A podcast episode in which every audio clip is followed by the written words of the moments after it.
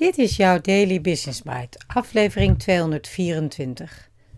De magische formule voor goede relaties door Ben Tigelaar in NRC. In de aflevering van gisteren ging het ook over relaties en in het bijzonder over kindness. In alle relaties, niet alleen privé, maar ook op je werk. En het schokkende onderzoek van Gallup dat zoveel mensen ontslag nemen wegens een slechte relatie met hun manager.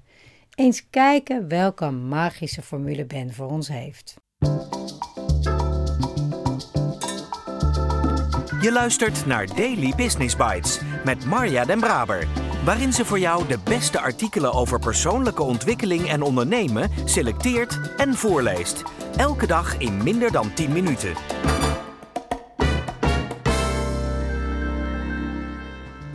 Hoeveel complimenten moet ik jou geven voor ik iets kritisch mag zeggen? Drie? Vijf? En kun je zoiets eigenlijk wel uitrekenen? De PN-ratio noemen psychologen het. De verhouding tussen positieve en negatieve interacties in een relatie. Er wordt nu al ruim 30 jaar onderzoek naar gedaan, maar er is ook veel kritiek. Vanaf de jaren 70 onderzocht psycholoog John Gottman en zijn collega's duizenden pasgetrouwe stellen via gesprekken, vragenlijsten, maar ook met geavanceerde metingen in Gottmans laboratorium. In een inmiddels klassieke studie, begin jaren 90, spraken 124 pasgetrouwde stellen telkens 15 minuten over twistpunten in hun relatie. Tijdens dit verbale conflict werd bij hen de hartslag en andere fysieke reacties gemeten. Ook werd alles op video vastgelegd en na afloop per seconde geanalyseerd door getrainde beoordelaars. Wat zeiden de echte lieden precies en hoe? En wat waren hun emotionele reacties? Vervolgens werden de stellen zes jaar lang gevolgd. De onderzoekers ontdekten dat ze op basis van de opnames in het lab accuraat konden voorspellen welke stellen zouden scheiden. Op basis van zijn onderzoek formuleerde Gottman later de vuistregel dat een gelukkig en stabiel huwelijk een PN-ratio van minimaal 5 staat op 1 vergt. Ook stelde hij dat er vier dingen zijn die je echt niet moet doen, omdat ze hevige en langdurige negatieve emoties oproepen. 1. Persoonlijke kritiek. Altijd hetzelfde. Als het druk wordt, dan ben je er niet. 2. Verdedigen of terugslaan. Wat? Als iemand het hier druk heeft, dan ben ik dat wel. 3. Minachting, kleineren. Druk? Ha, met die zinloze klusjes die niemand interesseren.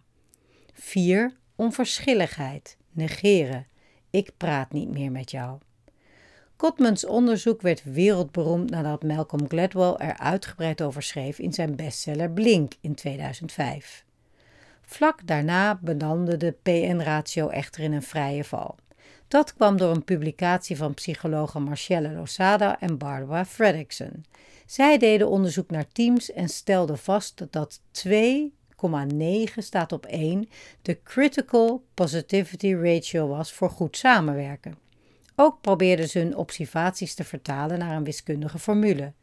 Dit rekenwerk bleek echter iets te fantasierijk en na kritiek van collega's moesten Losada en Fredrickson dit deel van hun onderzoek terugtrekken wat overigens niet heeft verhinderd dat hun werk nog altijd wordt gebruikt als bewijs in allerlei HR-publicaties. De twee voornaamste critici, psychologen Harris Friedman en Nick Brown, noemden de afgelopen jaren niet alleen het werk van Losada en Frederickson, maar het hele zoeken naar PN-ratio's een geval van wishful thinking. Hoe kun je bijvoorbeeld in een huwelijk een aantal oppervlakkige complimenten of dat er nu drie of vijf zijn, vergelijken met een dronken ruzie waarbij huiselijk geweld komt kijken, vroegen zij zich af. Volgens Friedman en Brown is het begrijpelijk dat mensen verlangen naar een eenvoudig, magisch getal voor goede relaties. Maar het op één hoop gooien van totaal verschillende interacties en emoties in totaal verschillende situaties is wetenschappelijk niet verantwoord. Hoe nu verder? Ik gebruik Gottmans adviezen eerlijk gezegd nog graag als een soort vangrail. Maar wel met een kanttekening van Friedman en Brown. Sta je niet blind op een perfecte ratio, maar vraag je gewoon af wat de ander fijn vindt en richt je daar een beetje op. Dat is vaak al magisch genoeg. Daily Business Bites met Marja Den Braber. Je luisterde naar de magische formule voor goede relaties door Ben Tigelaar. Ik zou zeggen, welke ratio het nou is, is er helemaal niet zo belangrijk. Blijkbaar is het sowieso handig en vooral fijn om meer complimenten te geven dan kritiek te uiten. Meer te kijken naar wat er wel goed gaat in plaats van wat nog niet zo goed gaat. Klinkt logisch. Het is niet altijd makkelijk. Het kan bijvoorbeeld zijn dat je net zoals ik een verschilzoeker bent. Dat je gewoon automatisch ziet dat er iets scheef hangt, iets ontbreekt of iets niet klopt. Het is een voorbeeld van een van de metaprogramma's uit de NLP.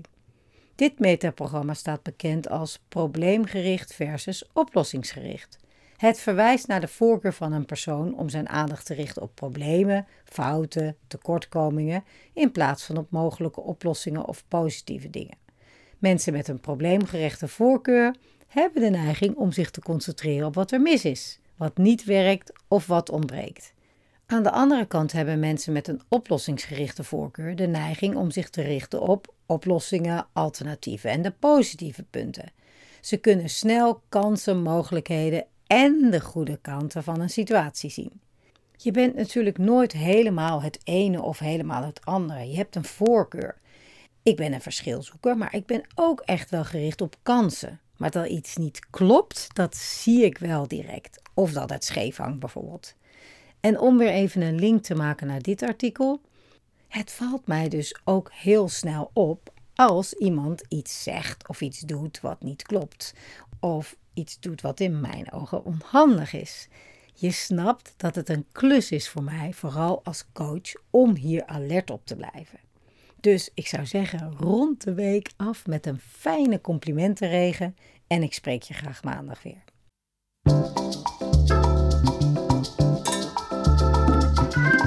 Was Daily Business Bites. Wil je vaker voorgelezen worden? Abonneer je dan op de podcast in je favoriete podcast-app. Meer weten? Klik op de links in de show notes.